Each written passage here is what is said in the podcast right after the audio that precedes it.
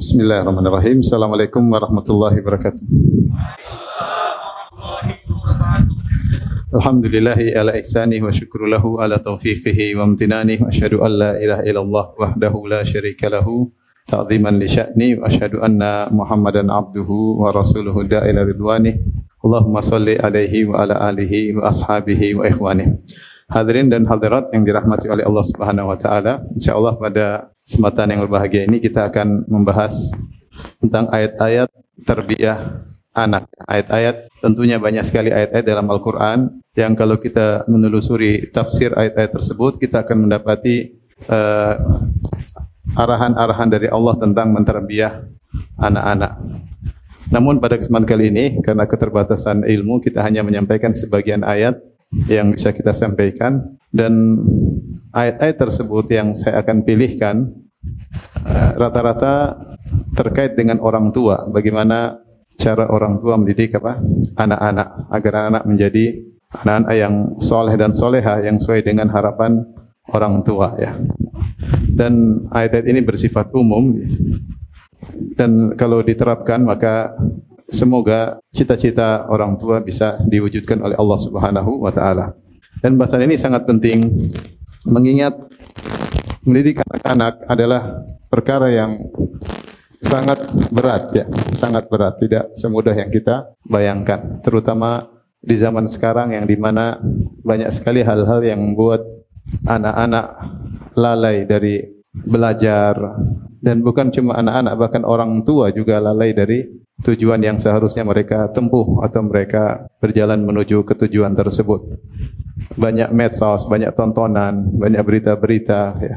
banyak syubhat, banyak syahwat, ya. sehingga mengajarkan mendidikan anak bukan perkara yang yang ringan. Bahkan sebagian syekh saya pernah dengar mengatakan bahwasanya mendidik anak-anak di zaman sekarang seperti jihad fisabilillah. Itu berat, sangat berat mendidik apa? Anak-anak ya.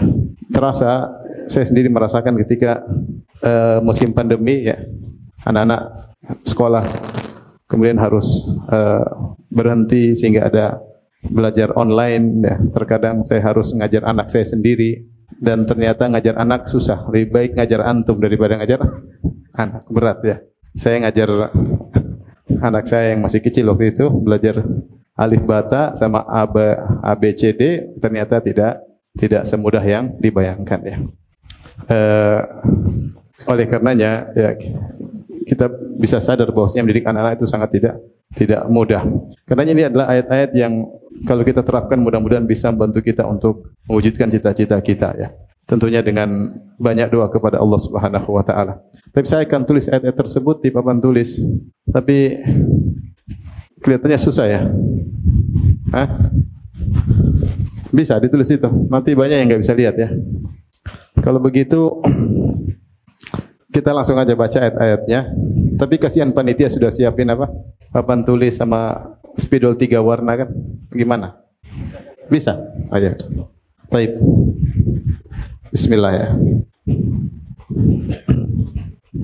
Benar tiga warna.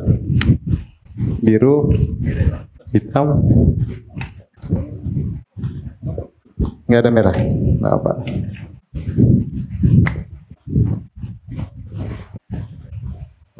Ayat-ayat terbiah anak ya. Ayat-ayat ini mungkin bisa kita klasifikasikan menjadi beberapa ayat ya. Yang pertama adalah ya, ayat-ayat yang menunjukkan kewajiban orang tua untuk mendidik anak untuk mendidik anak-anak. Ini perlu kita tekankan agar kita sadar bahwasanya mendidik anak-anak adalah kewajiban orang tua. Dia bukan hanya sekedar sunnah atau mubah, bahkan dia adalah hukumnya wajib. Artinya apa jika orang tua tidak mendidik anak-anak, maka dia berdosa ya. Dia berdosa. Dalilkan hal ini di antaranya firman Allah Subhanahu wa taala ya yang kita sering tahu ayatnya ya ayyuhalladzina amanu ku ku anfusakum wa ahlikum nar Kata Allah Subhanahu wa taala, wahai orang yang beriman, jagalah diri kalian dan anak-anak keluarga kalian dari api neraka jahanam. Kemudian Allah jelaskan tentang bahayanya api neraka. Wa quduhan nasu wal hijarah yang di mana neraka itu bahan bakarnya adalah manusia dan batu. Alaiha malaikatun ghiladun shidad. Dan pada neraka tersebut ada malaikat-malaikat yang keras dan kasar. Keras dari perbuatannya, kasar dari perkataannya. Ini adalah perkara yang mengerikan ya. Bahan bakarnya manusia. Manusia dibakar di neraka, dia terbakar sekaligus membakar.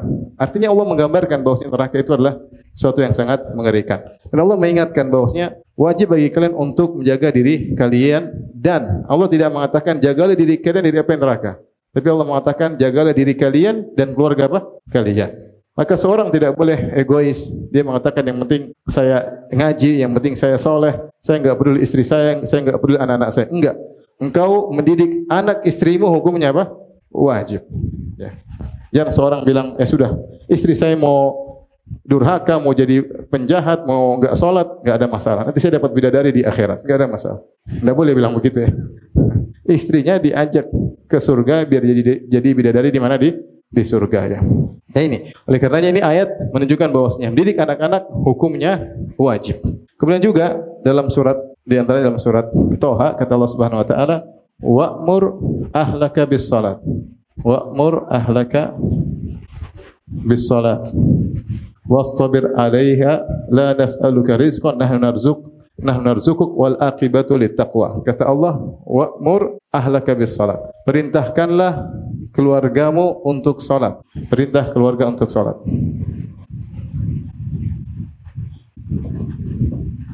Kata Allah Subhanahu wa taala, "Wastabir 'alaiha" dan bersabarlah untuk salat. Bersabar untuk salat butuh kesabaran dan bersabar menyuruh anak dan istri untuk apa? Untuk salat.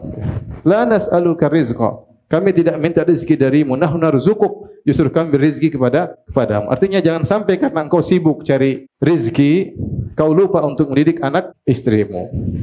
Tapi fokuslah untuk menyuruh anak istri untuk sholat, kami akan tanggung apa? Rizkimu. Oleh karenanya seorang jangan jadikan dia mencari rezeki sebagai alasan tidak mendidik anak dan istri. Kita harus memberi waktu untuk menegur atau mendidik anak istri untuk sholat. Telepon istri sudah sholat atau belum, telepon anak-anak ya, sudah sholat atau belum. Tes, tes, tes. Tes, tes ya. Jadi uh, sebentar. Jadi anak-anak jangan pernah bosan kita untuk tanya sudah sholat atau belum, meskipun mereka sudah besar. Meskipun mereka kita lihat sudah di pondok, jangan lupa untuk nanya, "Nak, sudah sholat atau atau belum?" ya. Di antara pengalaman yang nyata yang saya lihat adalah kebiasaan mertua saya, ya, rahimahullahu taala ya. Dia sudah meninggal dunia. E, ibu dan istri saya, ya. Beliau itu suka telepon anak-anaknya untuk sholat. Bahkan anaknya sudah umur 40, sudah 30 lebih, dia telepon suruh sholat. Kadang dia bangunkan untuk apa? sholat. Termasuk mantu-mantunya ya. Jadi suatu hari saya lagi main di Sulawesi, kemudian kami tidur bareng di suatu rumah besar, dan biasa ibu mertua bangunkan, Firanda sholat. Saya gimana gitu, saya lulusan Madinah. Firanda sholat. Saya sudah bangun, cuma ya saya bilang, mama ini gimana? Ini ustadz masa dibangunkan. Tapi maksud saya, dia sampai dia udah udah tua, dia masih terus nyuruh anak-anaknya untuk apa? Sholat. Ya. Dan tentunya seruan orang tua berbeda, penuh dengan kasih sayang dan anak-anak lebih mendengar, tidak tersinggung kalau disuruh oleh apa? Orang tua. Ya. Jadi subhanallah, tidak ada salahnya kita merintahkan anak-anak sholat meskipun mereka juga sholat. Ya. Tegur mereka, ingatkan mereka ya. Karena sholat adalah ibadah yang sangat agung. Dari sini kita harus sadar bahwasanya Mendidik anak dan istri hukumnya wajib. Ibnu Qayyim rahimahullahu taala punya pernyataan yang indah yang mengatakan, jangan disangka bahwa hanya anak yang berkewajiban berbakti kepada orang tua. Benar, anak wajib berbakti kepada orang tua, tapi orang tua wajib untuk mendidik apa? Anak-anak. Bisa jadi mereka di luar dihisap daripada bakti anak terhadap apa? orang tua. Ya, karena yang yang tanggung jawabnya kena di luar orang tua terhadap mana dulu? Kan yang pertama hidup orang tua baru kemudian apa? Anak. Sehingga dalam urutan waktu orang tua yang lebih dahulu menjalankan kewajibannya agar mendidik anak supaya anak nanti punya kewajiban berikutnya berbakti sama orang tua. Bisa jadi orang tua dihisap oleh Allah terlebih dahulu dalam mendidik anak-anak sebelum anak-anak dihisap berbakti kepada orang orang tua. Maka waspada ikhwan, ibu-ibu, ikhwan dan akhwat. Jangan sampai antum sibuk cari rezeki, antum lupa didik anak-anak. Jangan sampai ummahat sibuk banyak pergaulan, banyak ikut pengajian, lupa didik apa? Anak-anak. Dan saya ingatkan, kalau anak-anak pun dimasukkan di pondok, pondok itu hanya partner dalam mendidik anak-anak, tapi bukan penanggung jawab utama. Yang bertanggung jawab utama adalah kita sebagai apa? Orang tua. Kejadian ini kejadian nyata banyak ketika anak-anak gagal di pondok, pondoknya disalah-salahkan. Mungkin ada pondok punya punya andil dalam kegagalan anak tersebut, tapi bisa jadi andil paling besar adalah apa orang orang tua. Ya. Oleh karenanya pondok adalah partner kita yang bantu kita untuk mendidik anak, tapi mas'uliyah tanggung jawab paling utama adalah kita. Kita sebagai apa? Orang tua. Maka uh, ingat ini kewajiban bukan sekedar apa namanya kegiatan sunnah enggak. Mendidik anak-anak hukumnya wajib. Mendidik istri hukumnya wajib ya. Ajak anak istri untuk masuk surga, jaga mereka jangan sampai terkena adab neraka jahanam. Tapi ini ayat-ayat yang pertama tentang tarbiyah agar kita sadar bahwasanya anak-anak wajib untuk kita uh, didik ya. Ini berlaku bagi ayah, kalau untuk anak-anak berlaku bagi ayah dan ibu. Artinya istri kita punya kewajiban juga mendidik apa? Anak-anak ya. Ibu-ibu ingat jangan sampai menyerahkan segera kewajiban mendidik anak kepada suami, enggak. Ibu-ibu juga ya, bahkan Ibu mungkin pertanggung jawabnya besar karena suami mungkin keluar cari nafkah. Yang sering di rumah siapa? Ibu-ibu ya. Ya dan Rasulullah SAW mengatakan kullukum ra'in wa kullukum mas'ulun an ra'iyatihi. Setiap kalian adalah pemimpin dan setiap kalian akan diminta pertanggung jawab atas pimpinannya di antaranya wal mar'atu ra'iyatun fi baiti zawjiha dan wanita adalah pemimpin di rumah suaminya. Artinya dia ngurus apa?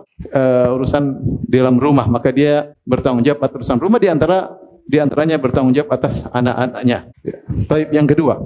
Ayat yang kedua yang terkait dengan tarbiyah anak. Ayat-ayat yang menunjukkan bahwa ciri orang soleh adalah mendoakan anak-anak. Mendoakan anak-anak. Ini di antara uh, sebab utama agar anak-anak bisa menjadi soleh dan soleha adalah doa. Ini sebab utama. Karena begitu kuatnya pengaruh doa terhadap keberhasilan, ya, sampai datang dalam suatu hadis yang meskipun diperselisihkan oleh para ulama, la yaruddu al-qadha illa doa. Tidak ada yang menolak takdir kecuali doa. Di antara tafsirannya adalah uh, kekuatan sebab menjadi akibat sangat besar sampai-sampai kalau bisa merubah takdir akan merubah tapi yang benar doa tidak bisa merubah takdir hanya saja kekuatan dia untuk menimbulkan akibat sangat sangat besar ini mirip, seperti sabda Nabi sallallahu alaihi wasallam lau kana syai'un sabaqal qadar la sabaqathul ain kalau ada sesuatu yang bisa mendahului takdir maka ain lah ain yang akan mendahului takdir tapi tidak terjadi karena ain yang menimpa seseorang pun itu karena apa? Takdir. Cuma para ulama ketika menjelaskan hadis ini mereka mengatakan pengaruh ain luar biasa menimbulkan apa? Akibat pada seseorang ya. Sama seperti doa.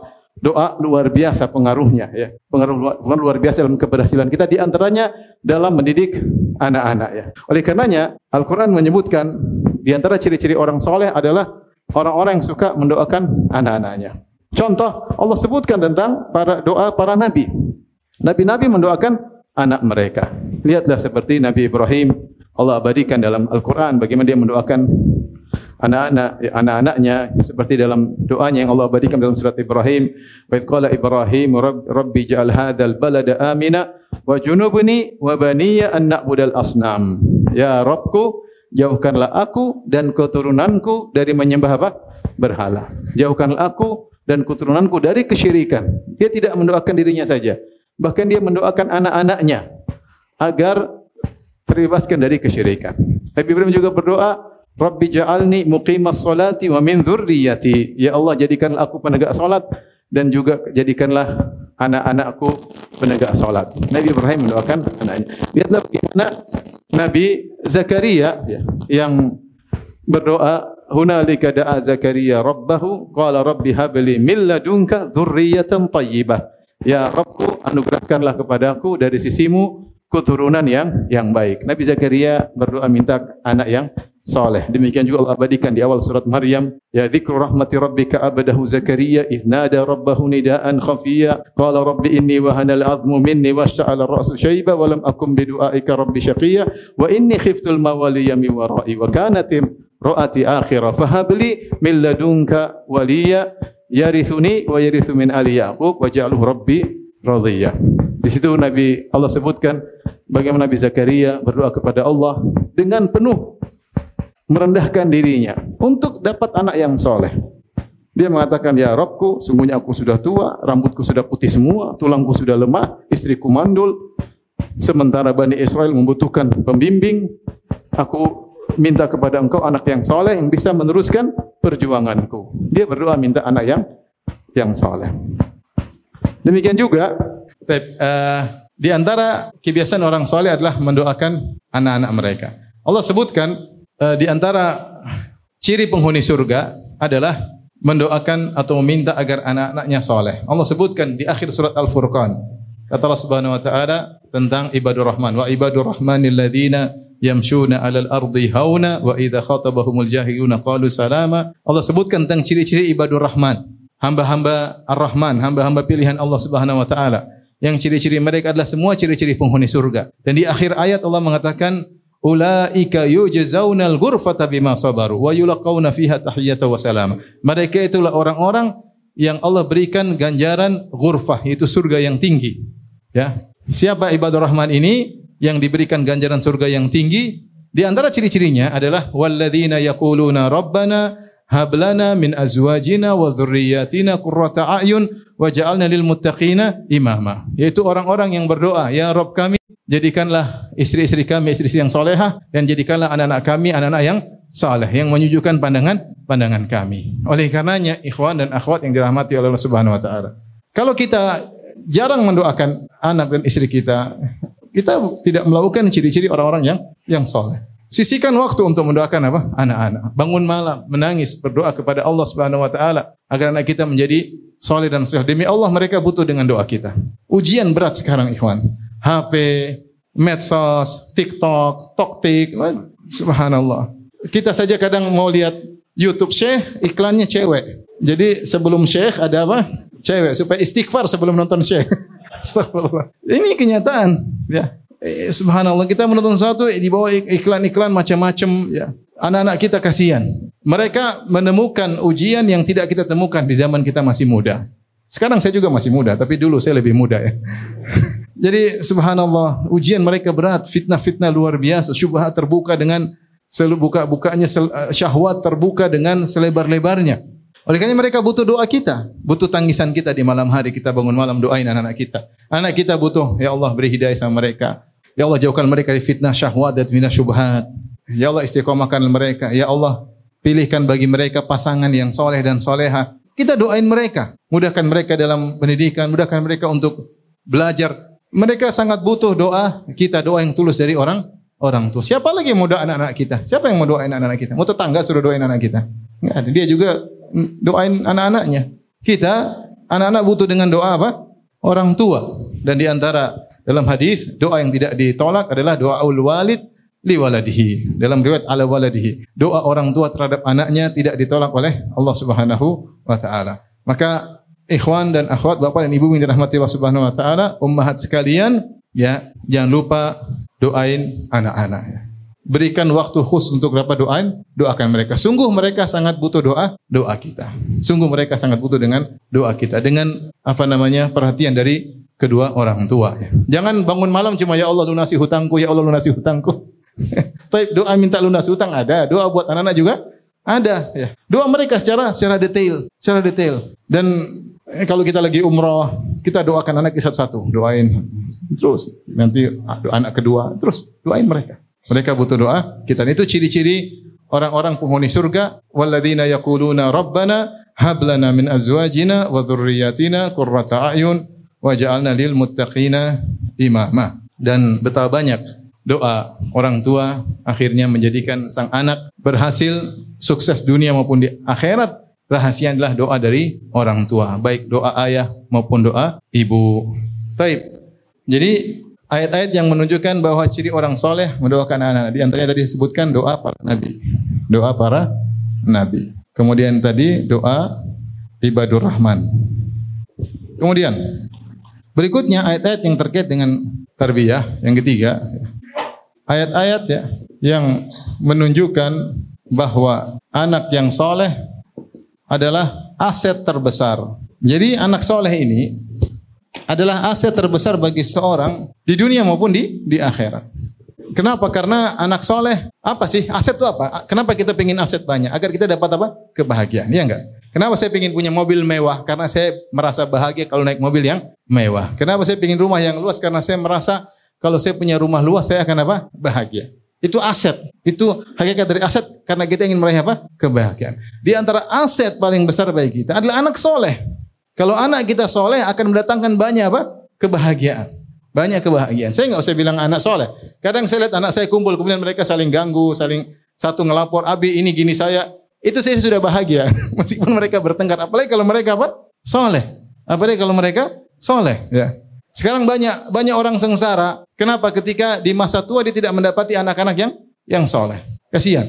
Anaknya tidak peduli sama dia. Ya anaknya sibuk sendiri dengan istrinya, dengan kerjaannya, tidak pernah telepon orang tua, tidak pernah jenguk orang tuanya. Meskipun orang tua dalam kondisi kaya raya, dia kehilangan kebahagiaan yang besar. Ketika di masa tua dicuekin sama anak-anaknya ya.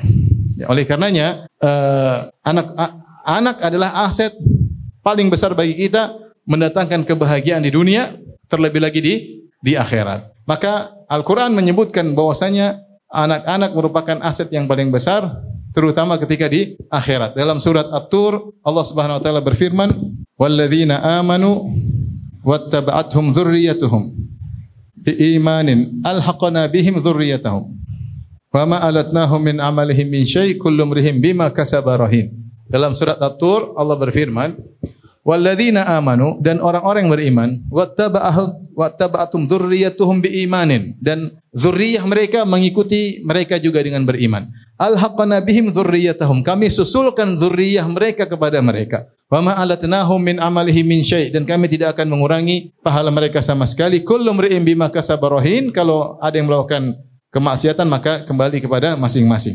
Ayat ini ya, itu aja. Ya.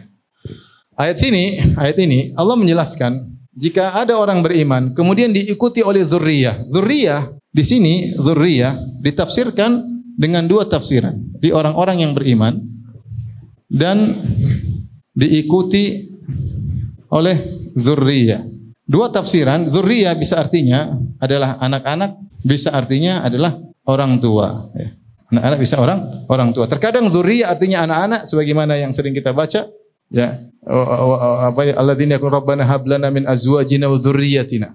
Yang mereka berdoa ya Allah jadikanlah istri-istri kami dan anak-anak kami. Di sini zurriyah maknanya adalah anak. Terkadang zuriyah artinya orang tua seperti dalam surat Yasin wa ayatul lahum anna hamalna dzurriyyatahum fil fulkil mashhun. Di antara tanda-tanda kebesaran kami bagi mereka kami angkut dzurriyyatahum itu nenek moyang mereka bersama Nabi Nuh di kapal yang bermuatan. Di sini Ibnu Katsir memilih zuriyah maknanya adalah uh, nenek moyang. Jadi terkadang zuri artinya bapak, terkadang zuri artinya apa? Anak. Nah, apa kaitannya antara ayah dan anak? Allah sebutkan bahwasanya jika salah seorang dari mereka, misalnya ayah, di akhirat mendapat di surga misalnya di level yang tinggi, sementara sang anak di level yang bawah tapi masuk surga juga, maka sang anak bisa disusulkan oleh Allah sesuai dengan level sang ayah. Al-haqqana bihim Kami susulkan sang anak pada level ayahnya. Dan juga bisa sebaliknya, jika sang anak berada di level yang tinggi di surga, sang ayah di bawah, maka sang ayah bisa disusulkan kepada apa? Kepada anaknya. Sehingga dua-duanya bisa terjadi. Nah, kenyataannya, kenyataannya banyak di antara kita yang anak-anaknya lebih soleh daripada bapaknya. Karena bapaknya baru ngaji. Ya. Hafalan juz amma belum selesai. Ya. Kemudian dulu bekas penjahat. Anak-anak masya Allah dari kecil sudah sudah soleh dan soleha. Kemungkinan mereka lebih baik daripada kita sangat besar. Sehingga kemungkinan mereka meraih surga lebih tinggi, lebih besar. Nah, kalau kita namun apa namanya uh, mereka kita didik dengan baik dan mereka menjadi anak soleh, kalau di akhirat kelak ternyata orang tua levelnya lebih di bawah, anaknya lebih tinggi, maka orang tua bisa di, disusulkan oleh Allah Subhanahu wa taala sebagai bentuk kesempurnaan kebahagiaan, menyatukan antara anak dengan ayah di akhirat. Makanya saya katakan bahwasanya ayat ini menunjukkan anak adalah aset terbesar. aset terbesar. Karena kalau anak-anak kita ternyata sukses di akhirat dan kita kita juga termasuk bisa masuk surga, maka level kita bisa dinaikkan sesuai dengan level apa? Anak-anak. Makanya seorang berusaha anaknya menjadi anak yang yang soleh. Ya ikhwan benar kita ingin anak kita sukses dunia. Tapi percuma kalau dia sukses dunia ternyata akhiratnya nggak beres. Dia jadi dokter handal, dia jadi insinyur handal, dia jadi pejabat hebat, jadi orang terkenal, tapi dia tidak soleh. Dia nggak pernah doain kita. Dia sendiri saja tidak mendoakan dirinya. Apa yang kita dapatkan? Ya, ya. Dunia mungkin kita dapatkan, akhirat kita tidak dapat apa-apa. Oleh karenanya anak yang soleh ini aset yang luar biasa di di akhirat. Ya, aset yang luar biasa di di akhirat. Ketika kita masuk di alam barzah, ya, siapa yang mendoakan kita? Yang setia mendoakan kita siapa? Anak-anak. Ini azan kah? Belum ya? Kalau azan kasih tahu ya. Jadi siapa yang setia doain kita? Anak-anak. Makanya Nabi SAW mengatakan, "Idza matal insan in qata amalu illa min thalath." Kalau seorang meninggal terputus amalnya kecuali tiga. Salah satunya waladun salihun yad'u lahu, anak soleh yang mendoakan. Siapa yang mau doain kita, ikhwan? Tetangga doain ente. Mungkin pas ente meninggal saja didoain. Teman-teman doain pas antum meninggal. Si fulan meninggal, rahimahullah. Tapi tiap malam bangun doain antum, ada teman-teman, antum aja nggak pernah doain teman-teman. Ada doain teman-teman yang sudah meninggal. Kita ngaca diri. Artinya, apakah kita sering mendoakan teman kita? Ada mungkin satu dua orang, lima orang, sepuluh orang. Tapi tidak semuanya. Yang sering yang yang yang yang setia doain kita tiga orang, orang tua kita, istri kita sama anak anak kita. Orang tua kita biasanya meninggal terlebih dahulu. Istri kita setelah kita meninggal, dia mungkin meninggal juga. Atau dia kawin lagi dapat suami lebih baik daripada kita, kita dilupakan dan itu kemungkinan terjadi. Ternyata suami saya dulu brengsek, sekarang suami soleh. Kita malah dimaki-maki bukan didoain ya. Tapi yang paling mungkin mendoakan kita adalah apa? Anak anak kita. Kita di alam barzah. Seorang di alam barzah waliyadzubillah mungkin dapat siksa kubur. Anaknya doain doain siksa kuburnya dikurangi atau dihentikan oleh Allah Subhanahu wa. Bisa jadi berubah menjadi taman surga kuburannya. Oleh karenanya ini aset yang sangat sangat berharga. Makanya antum jangan tanggung-tanggung keluarkan biaya, mengeluarkan energi untuk didik anak-anak. Dia aset yang paling hebat. Dia aset yang paling apa? Uh, yang paling hebat. Kemudian di antaranya, di antaranya para ulama menjelaskan jika anak-anak jadi soleh gara-gara kita, kita adalah sebab dia menjadi soleh, maka seluruh amalan dia akan lari kepada kita. Jika kita adalah sebab dia menjadi anak yang yang soleh. Ya, ada dalil umum Rasulullah SAW mengatakan mandala ala khairin falahu mithlu ajri fa'ilihi. Siapa yang menunjukkan seorang pada kebaikan, bagi dia pahala orang yang menjalankannya. Dan anak kita menjadi soleh karena didikan kita. Benar kita masukkan pondok, tapi yang biaya pondok siapa? Yang milikan pondok siapa? Yang ngarahin dia siapa? Jadi kalau anak soleh gara-gara kita, semua amal dia lari sama sama kita. Kalau dia bukan karena sebab kita, tidak. Kalau ada sebab akibat ya. Kemudian juga Rasulullah SAW bersabda, Inna wa inna auladakum min kasbikum. Sungguhnya anak-anak kalian adalah hasil jerih payah kalian. Kata Nabi SAW, Inna atyaba ma akaltu min kasbikum wa inna auladakum min kasbikum. Sungguhnya yang paling makanan yang terbaik yang kalian makan adalah hasil kerjaan kalian sendiri. Dan di antaranya kalian makan dari hasil kerjaan anak-anak kalian karena anak-anak kalian adalah hasil kalian kata Nabi sallallahu alaihi wasallam. Di antara tafsiran para ulama anna ma ma, ma amilahu auladuhum ka anna walidahu amilahu. Apa yang dilakukan oleh anak-anaknya seakan-akan dikerjakan oleh bapaknya. Karena anak-anak adalah hasil jerih payah apa? Sang sang ayah, orang tua. Di antara dia akan ini juga sabda Nabi SAW ketika Rasulullah mengatakan inna rajula la darajatuhu fil jannah. Ada seorang diangkat derajatnya di surga. Maka dia berkata, "Anna lihada, kok bisa saya derajatnya dinaikkan di surga?" Maka dikatakan kepadanya, "Bistighfari waladika laka." Karena anakmu sering mendoakanmu. Tafsiran ulama kalau antum baca secara hadis ini ada yang mengatakan karena anaknya sering mendoakan dia, ada yang mengatakan ketika sang anak beristighfar seakan-akan ayahnya juga sendiri ber, beristighfar. Jadi mau saya, apa usahanya antum jadikan anak antum satu hafal Quran satu, kemudian dia ngaji terus, pahalanya lari sama antum. Dia sholat terus, dia bangun malam, antum dapat apa? Pahala. Enak atau tidak? Enak. antum capek sebentar aja didik anak-anak. Antum udah meninggal, antum punya anak empat soleh semua, rajin sholat malam semua, semuanya rajin sholat, rajin puasa, semuanya pahala ngalir sama antum. Jadi anak-anak kita itu adalah aset terbesar bagi kita, umur berikutnya bagi kita. Kalau kita sudah meninggal, kita punya anak empat, mereka akhirnya meninggal 40 tahun lagi kemudian. Kita dapat bonus 40 kali 4, 160 tahun. Yang capek mereka kita dapat apa? Pahala. Kita cuma capek mendidik. Maka jangan tanggung-tanggung kalau didik apa? Anak-anak. Semua yang dia kerjakan nanti pahalanya sama sama kita. Karena kita di antara sebab menjadikan dia anak yang yang soleh. Azan kah? Belum juga. Masya Allah. Saya nunggu azan nih. 10 menit lagi. Oh masih lama ya? Saya sudah cepat-cepat ternyata masih lama. Ya udah enggak apa. Qadarullah. Baik. Jadi ayat-ayat menunjukkan anak soleh adalah aset yang terbesar. Jangan lupa. Antum berjuang keras.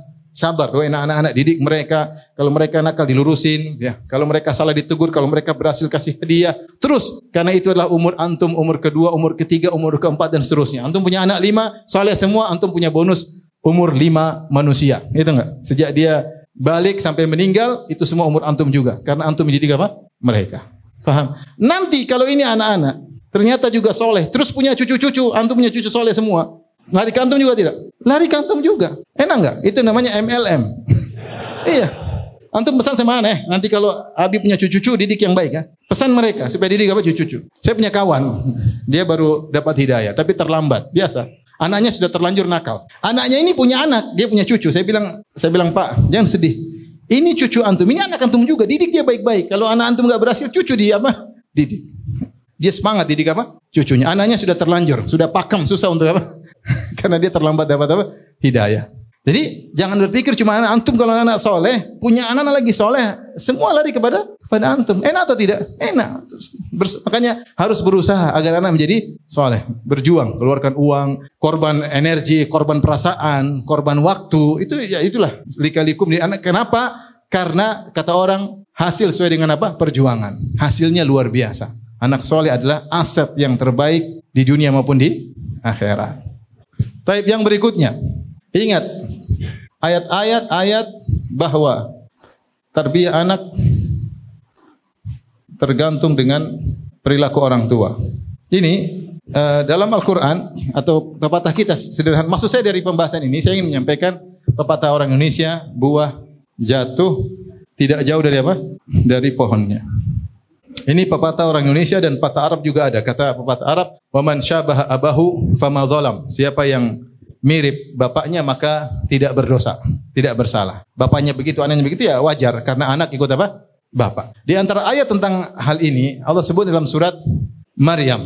Dalam surat Maryam ketika Maryam ibunya Isa alaihissalam uh, ditiupkan ruh sehingga punya anak Nabi Isa dan dia hamil tanpa suami. Ketika dia hamil tanpa suami, kemudian dia melahirkan sang anak, kemudian dia pulang menemui kaumnya Bani Israel. Kata Allah, "Fa'atat bihi qaumaha tahmilu." Maka dia pun mendatangi kaumnya sambil menggendong anaknya. Maka orang-orang heran, "Qalu ya Maryamu laqad ji'ti syai'an fariya." Wahai Maryam, engkau telah melakukan dosa yang besar. Ya ukhta Haruna, ma kana abuki imra'a sau'in wa ma kanat ummuki baghiya. Apa kata Bani Israel? Wahai Maryam, kenapa kau bisa berzina? Sementara bapakmu adalah orang baik-baik dan ibumu bukan wanita pezina.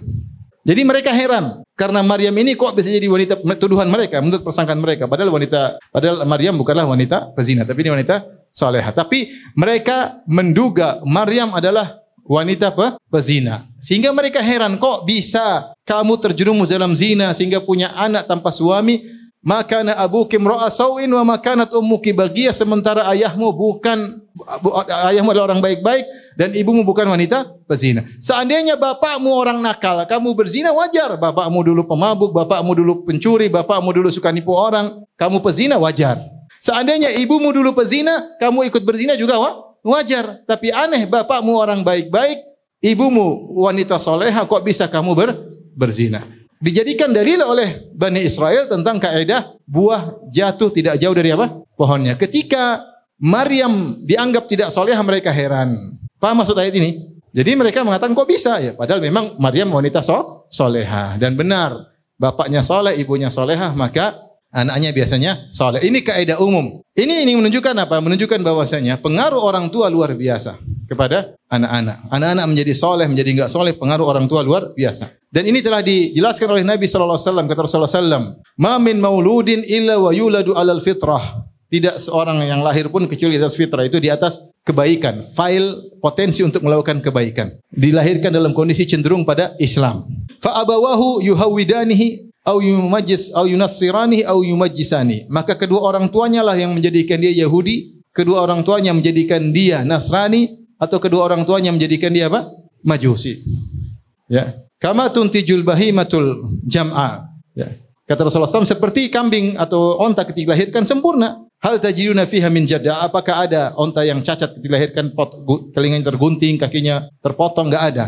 Hatta antum takunu tajidu uh, tajdaunaha. Kalian yang motong-motongnya. Jadi maksudnya uh, Nabi ingin menjelaskan bahwasanya anak lahir dalam atas fitrah itu cenderung pada kebaikan. Kalau dibiarkan tidak ada yang ganggu, dia pasti baik. Dia pasti bertauhid, dia pasti cenderung pada kebaikan. Tetapi pengaruh paling besar kata Nabi adalah kedua orang tuanya. Maka Nabi mengatakan fa'abawahu, maka keduanya orang tuanya menjadikan Nasrani, menjadikan Majusi, menjadikan dia Yahudi. Ini dalil bahwasanya pengaruh orang tua sangat luar luar biasa. Makanya kalau ada anak yang buruk di rumah, yang pertama dimi, yang pertama dituduh adalah orang orang tua. Meskipun tidak harus jadi faktor luar. Tapi Nabi ingin menjelaskan bahwasanya faktor orang tua sangat besar. Saya contohkan, ada seorang ternyata jadi menjadi uh, pembohong besar, terkenal tukang bohong. Pertama kali dia belajar bohong dari siapa? Dari ayahnya. Mungkin ketika dia masih kecil, ada yang cari ayahnya, Assalamualaikum, ada bapak fulan, Terus bapaknya bilang, bilang nggak ada lagi keluar. Oh nggak ada om, ayah lagi keluar misalnya. Kelihatannya sepele, bohong sepele, nggak ada pengaruhnya ya. Tetapi ini adalah batu pertama yang ter, terpatri dalam dadanya bahwasanya bohong itu boleh. Batu pertama, kemudian dia kembangkan kembangkan bangunan kebohongan jadi dia bos dalam kebohongan. Yang ngajarin pertama apa orang? Orang tuanya. Yang masang batu kebohongan pertama orang? Orang tuanya. Saya pernah menghadapi kasus ada seorang wanita kasar sama suaminya. Sampai suaminya dipegah, pegang kerah-kerah bajunya. Ada. Tapi bukan orang Medan, bukan. Maka ditelusuri, istri saya telusuri, ternyata dia bilang dia sering melihat ibunya dulu begituin bapaknya. Subhanallah. Dia sering lihat ibunya, sering gituin bapaknya, dianggap sepele. Jadilah ibunya ini mengajarkan dosa jariah sama dia untuk berani sama suami. Kenapa dia berani suami? Karena dilihat itu hal biasa dilakukan oleh ibunya kepada apa? Bapaknya. Hati-hati ya. Pengaruhnya luar luar biasa. Ada seorang heran anaknya main HP terus kenapa ibunya tiap hari main HP? Anak tidak mau murajaah, kenapa ibunya tidak mau baca Quran? Anak suka nonton Korea karena ibunya nonton India. Jadi ini pengaruh tidak bisa gitu. Saya tidak menuduh bahwasanya semua salah karena orang tua, tapi saya bilang faktor paling utama adalah apa? Orang orang tua. Maka waspada. Maka seorang jangan sampai dia punya andil dalam merusak anaknya sehingga dia memasang dosa jariah kepada anaknya. Sebaliknya saya pernah dengar seorang ceramah, dia cerita suatu hari ketika dia masih kecil, tiba-tiba ayahnya berjalan di lampu merah, tahu-tahu ada seorang tua mau lewat, padahal lampu sudah hijau. Berhenti tahu-tahu ada orang tua mau lewat, maka ayahnya turun, ayahnya ngebel-ngebel, dia turun, kemudian dia hentikan semua mobil di tengah jalan, semua mobil berhenti semua supaya orang tua ini bisa lewat. Subhanallah. Kata orang yang bercerita ini, apa yang saya lihat tersebut pelajaran berharga bagi saya bagaimana perhatian terhadap orang yang susah lebih daripada seribu pengajian. Lebih daripada seribu pengajian. Kenapa dia lihat ayahnya seperti itu? Contoh nyata daripada dia bagaimana ayahnya perhatian terhadap orang yang yang miskin. Sampai menghentikan mobil sampai heboh ketika itu. Ada apa ayah kok seperti ini? Gara-gara memperhatikan seorang yang sedang tua mau lewat. Makanya saya bilang, kenapa Rasulullah SAW menyuruh kita untuk sholat sunnah di rumah? Di antara faedahnya, di antara faedah oleh para ulama, agar rumah terisi dengan kebaikan. Di antara juga agar anak-anak melihat orang tuanya sholat sunnah. Antum bayangkan antum sholat malam, jam 3 malam terus anak bangun. Bangun. Lihat ayah sholat apa? Dia tanya, ayah tadi malam sholat apa? Belum subuh. Ah, ayah sholat malam. Subhanallah. Kan pengaruh luar biasa. Dia pulang ke rumah, ayahnya baca Quran. Ibunya baca Quran. Kira-kira ada pengaruhnya enggak? Ada ya kawan. Tapi kalau dia pulang, ayahnya lagi main game. Ayah main apa game? Ayo sini, sini gabung. Repot ya. Akhirnya ya mau disalahin siapa? Ya. Melihat ayahnya baca Quran, ayahnya hormat sama orang tua, iya bu, iya bu, sama dia lihat ayah hormat sama mbahnya. Kira-kira pengaruh nggak? Pengaruh luar biasa. Pengaruh luar biasa. Ayahnya beradab, menghormati tamu, ayahnya tidak pelit. Saya pernah ketemu kawan adik anak kecil anak saya.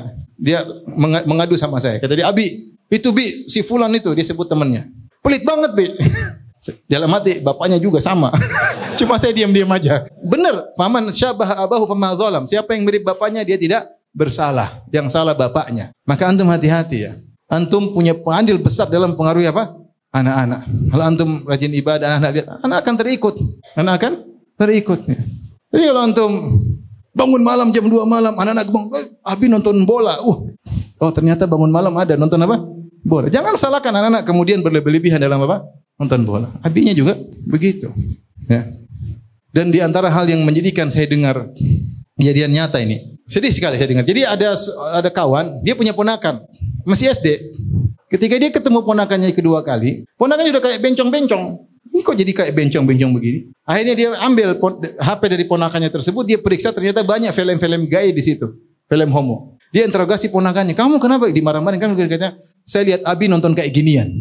Saya lihat Abi nonton kayak ginian. Oleh karenanya hati-hati ya. Maka benar pepatah buah jatuh tidak jauh dari apa? Pohonnya. Jangan sampai antum memberikan dosa jariah pada diri antum dengan mengajar anak-anak berbuat keburukan. Bismillahirrahmanirrahim. Alhamdulillah salatu wassalamu Rasulullah. Kita lanjutkan.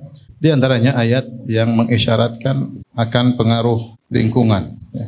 Jadi anak itu ya terpengaruh dengan tiga hal ya. Yang mempengaruhi anak ya, mempengaruhi anak. Pertama adalah eh, apa namanya? Eh, lingkungan ya. Lingkungan ini tadi sudah kita jelaskan orang tua, kemudian tempat pergaulnya, tempat bergaulnya. Kemudian juga di antara yang pengaruh adalah syaitan. Ya. Dalam hadis kata Nabi wasallam, hadis qudsi Allah berkata, "Khalaqtu ibada, khalaqtu ibadi hunafa, fa atatuhumus syayatin, fa atatuhumus syaitan fajtalahum." Ya kata Nabi sallallahu alaihi wasallam, aku ciptakan hamba-hambaku dalam kondisi hanif. Hanif itu potensi kepada cenderung kepada kebaikan menjauh dari keburukan. Fa atatuhumus syayatin, maka setan pun mendatangi mereka fajtalathum, maka setan pun menggelincirkan mereka. Jadi faktor setan ada. Oh setan ada merusak fitrahnya. Yang kedua faktor lingkungan, orang tua sudah kita jelaskan tadi. Kemudian ada juga lingkungan tempat dia bergaul. Di sini Allah sebutkan tentang kisah Ashabul Kahfi. Wa idzi tazaltumuhum wa ma ya'buduna illallah fa'wu ilal kahfi yanshur lakum rabbukum min rahmatih wa yuhayyi lakum min amrikum mirfaqa. Allah sebutkan tentang kisah Ashabul Kahfi. Mereka ingin selamat dari kesyirikan yang terjadi. Apa yang mereka lakukan? Mereka kabur. Pergi ke mana? Ke goa. Menghindar dari lingkungan yang merusak. Sehingga sebenarnya mengatakan di antara hikmah dari surat Al-Kahfi bercerita tentang fitnah yang ada di dunia, berbagai macam fitnah-fitnah. Di antara berbagai macam fitnah tersebut adalah fitnah lingkungan. Fitnah apa? Lingkungan. Hati-hati kita waspada dalam mendidik anak-anak, jangan kasih mereka lingkungan yang yang buruk. Jangan biarkan dia berteman dengan teman yang yang buruk. Jangan berikan dia fasilitas yang buat dia apa? terjebak ya. Pepatah Arab mengatakan apa? Uh, dia lempar dia lempar temannya ya dalam kondisi terikat kemudian dia mengatakan iya ke iya ke antabtal. Hati-hati engkau jangan sampai kau kena air basah atau jangan sampai kau tenggelam. Sementara dia ikat tangan temannya kemudian dilemparkan ke sungai Kemudian dia berkata, hati-hati jangan sampai kau tenggelam. Gimana enggak tenggelam sementara kau telah ikat apa? Tanganku. Sama, kita kasih HP sama anak belum waktunya. Hati-hati, jangan kau lihat ini ini. Kamu kasih HP, gimana dia enggak mau lihat? Ya. Kamu belikan game, hati-hati, jangan main game sembarangan ya, tapi enggak atur kapan waktu main gamenya, bebas, terserah dia. Jangan sampai kita bilang biarkan anak mencari jati dirinya. Itu mungkin zaman dulu, zaman sekarang enggak bisa. Jati dirinya diatur oleh tontonannya. Hati-hati, jangan sampai kita begitu sayang sama anak sehingga kita memberikan fasilitas yang merusak dirinya. Ya, biarkan dia main sembarang, biarkan dia bersenang sembarang. Hati-hati. Oleh karenanya faktor lingkungan sangat penting. Jangan sampai kita ya tidak waspada sehingga kita jebak anak kita dalam lingkungan yang buruk. Kemudian tiap hari kita bilang hati-hati, hati-hati. Sementara kita telah jebak dia dalam kondisi yang lingkungan yang buruk, entah lingkungan teman-teman atau lingkungan fasilitas yang kita biarkan dia memiliki fasilitas tersebut maka seorang waspada. Iwan sekarang mengerikan ikhwannya. Saya dapati sebagian santriwati ya, sekolah di pondok, tapi itu setelah itu dia bikin apalagi waktu musim pandemi kemarin. Jadi mereka bikin grup grup santriwati. Grup santriwati tersebut di luar daripada guru-guru mereka tidak tahu, orang tua mereka tidak tahu. Ternyata situ mereka kirim-kirim film Korea, macam-macam. Di pondok sudah dijadiin baik-baik, ternyata ada grup apa? Grup santriwati merusak apa yang sudah dididik oleh orang tua, dididik oleh guru-guru rusak dalam sehari oleh temannya dengan melihat klip yang merusak fitrah mereka. Ya. Oleh karenanya hati-hati tentang lingkungan ya. Intinya kalau kita mau pikirkan susah anak kita selamat tapi ada Allah Subhanahu wa taala. Jangan lupa kita banyak berdoa. Taib yang berikutnya ayat yang keenam ini kelanjutan daripada yang keempat yaitu uh, solehnya orang tua membantu ya kesolehan anak ya atau solehnya orang tua membantu terjaganya anak. Ini ayat yang sering kita dengar dalam surat Al-Kahfi juga ketika Allah berfirman tentang kisah Nabi Khadir dan Nabi Musa kata Allah Subhanahu wa taala فانطلق حتى إذا أتيا أهل قرية استطعما أهلها فأبوا أن يضيفهما فوجد فيها جدارا يريد أن ينقض فأقامه قال لو شئت لاتخذت عليه أجرا. Ketika Nabi Khadir Nabi Musa berjalan menuju suatu negeri, kemudian mereka minta dijamu, ternyata orang kampung tersebut tidak ada yang mau menjamu Nabi Musa dan Nabi Khadir. Ketika mereka hendak keluar dari kampung tersebut, ternyata Nabi Khadir melihat alaihissalam melihat ada dinding yang mau runtuh, kemudian dia luruskan. Maka Nabi Musa heran, kenapa kau luruskan? Uh, tembok tersebut? Kalau kita minta upah agar dikasih makan oleh mereka, ya. Maka setelah itu Nabi Khadir jelaskan kepada Nabi Musa, "Wa ammal jidaru fakana li ghulamaini yatimaini fil madinati wa kana tahtahu kanzul lahumā wa kana abuhuma salihan fa arada rabbuka ay yablugha ashuddahuma wa yastakhrija kanzahuma rahmatan min rabbik wa ma fa'altu an amri." Kata Nabi Khadir, "Wahai Musa alaihissalam, adapun dinding yang aku berdirikan yang tadinya miring, ternyata di bawah dinding tersebut ada harta milik dua anak yatim. Seandainya dinding tersebut miring terus, Lama-lama harta ini akan kelihatan orang dan akan dirampas oleh orang lain. Maka aku ingin meluruskan dinding tersebut supaya harta dua anak ini tersembunyi, tidak ada yang merampasnya. Allah ingin dua anak yatim ini nanti jadi sudah dewasa, baru mereka berdua mengambil harta mereka dengan izin Allah Subhanahu wa taala. Para ahli tafsir menyebutkan kata kata Nabi Khadir wa kana abuhuma salihah. Kenapa Allah kirim saya untuk meluruskan dinding ini? Karena wakana abuhuma salihah. Karena ayah dua orang ini adalah anak dua ayah dua anak yatim ini adalah orang tua yang apa yang yang saleh. Ada ulama mengatakan ayahnya yang dimaksud dalam ayat tersebut adalah al-jaddus sabi yaitu kakek mereka nomor tujuh, kakek ketujuh. Jadi Allah Subhanahu wa taala menjaga orang soleh ini tujuh turunannya. Sampai di antara turunannya yang ketujuh tidak punya ayah. Tidak ada tempat apa bertumpu, tidak ada tempat untuk bersandar. Tetapi meskipun tidak punya ayah, Allah jaga. Di antara bentuk penjagaan Allah terhadap dua anak yatim ini Allah kirim Nabi Khadir untuk meluruskan apa? dindingnya. Allah bantu urusan dunianya apalagi akhiratnya. Faham? Ini kan masalah dunia, ya tidak? Maksudnya harta terjaga gara-gara solehnya apa? Ayahnya. Kalau dunia saja Allah jaga apalagi apa? Akhiratnya. Oleh karenanya, kalau kita berusaha menjadi orang yang soleh, mudah-mudahan Allah menjaga anak anak kita. Dan Allah menjaga anak anak kita ya. Sampai ada sebagian kawan orang Saudi ketika ditanya ya, dia punya anak banyak tapi anaknya masya Allah ke masjid semua ya. Di saf pertama, saf kedua anaknya kalau nggak salah 13 anak laki-lakinya. Semuanya ke masjid. Padahal dia maksudnya dia enggak dia sibuk kerja tapi bagaimana anaknya bisa soleh semua ini ya. Ini belum itu anak laki-lakinya belum kalau anak apa? perempuannya. Sampai apa namanya? Sampai dia bingung ini anak ibunya yang mana? Kadang-kadang dia eh kamu ibumu yang mana? Saking banyak anaknya. Saking banyak anaknya. dia bingung ibunya yang mana. Tapi intinya soleh kenapa? Dia bilang ya sudah, yang penting jalankan ketika berhubungan berdoa kepada Allah Subhanahu wa taala, kemudian soleh berdoa, Allah akan jaga jaga mereka. Artinya usaha dia dibanding tanggung jawabnya usaha dia kecil dibandingkan harus mengurus anak yang begitu banyak tapi Allah jaga mereka semua. Oleh karenanya kita soleh untuk anak kita. Kita soleh untuk apa? Anak kita ya. Jangan makan yang haram untuk anak kita. Jangan lihat yang haram untuk apa?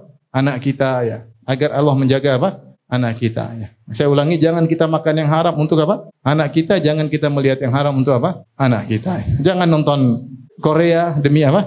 Anak kita. Jangan nonton drama India demi apa? Anak kita. Ya. Ibu-ibu terutama ya. Jangan lihat acara-acara gibah untuk apa? Anak kita. Bangun malam, sholat malam, berdoa, baca Quran. Setiap hari harus ada Quran yang kita baca demi anak anak kita. Jangan sampai hari-hari lewat ya, tapi Quran tidak kita baca.